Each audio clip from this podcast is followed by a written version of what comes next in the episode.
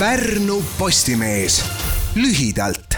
selle nädala uudiste kokkuvõte on teie ees president Alar Karis annab Eesti Vabariigi aastapäeva eel riigi teenetemärgi nendele, kelle pühendumus oma tööle ja kogukonnale on muutnud Eesti elu paremaks.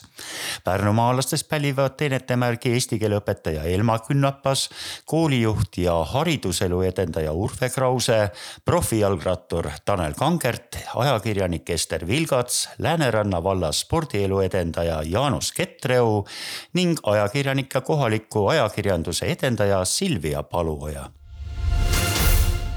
Sel nädalal asusid Pärnust Ukraina poole teele kuus täisvarustuses kiirabiautot. heategevusaktsiooni vedasid eest Soome Lions klubid mis ostsid masinad Saugas tegutsevalt ettevõttelt. firma esindaja kinnitas, et autod on küll kasutatud, kuid täiesti korras. kõik kiirabiautod lähevad Ukraina pealinna Kiievisse. peale autode viiakse sinna meditsiinivarustust, näiteks elustamisaparaate ja südamemonitore kui läinud aasta märtsis tõstis kuraditosin Lääneranna voliniku käe, et Metsküla kool sulgeda, siis sel nädalal toimunud volikogu istungil toetati üksmeelselt Metsküla erakooli loomist. Metsküla algkooli kinnistut soovib edaspidi hooldada ja arendada Metsküla kultuuriühing erakooli loomise suhtes peab nüüd seisukoha võtma Haridus- ja Teadusministeerium mulluste riigieksami tulemuste põhjal koostatud koolide edetabeli etteotsa jõudis mitu Pärnumaa kooli. siinne esinumber on jätkuvalt Pärnu Sütevaka humanitaargümnaasium, mis riiklikus edetabelis platseerus neljandaks.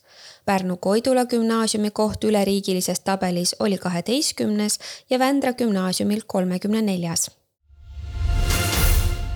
Eesti spordi kõrgeima tunnustuse ehk riikliku spordi elutööpreemia pälvis tänavu Pärnust pärit teenekas sõudetreener Mati Killing Killing on ehitanud üles Eesti ühe suurema sõudeklubi Pärnu sõudekeskuse Kalev ja juhendanud sadu sportlasi.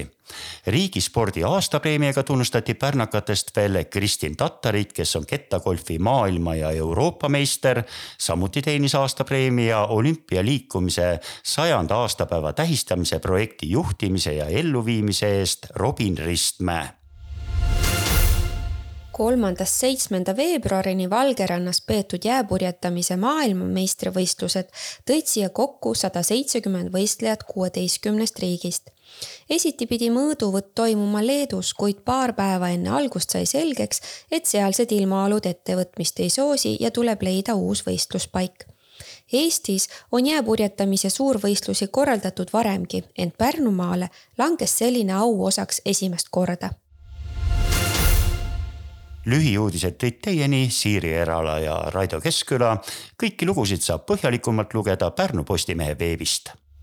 Pärnu Postimees lühidalt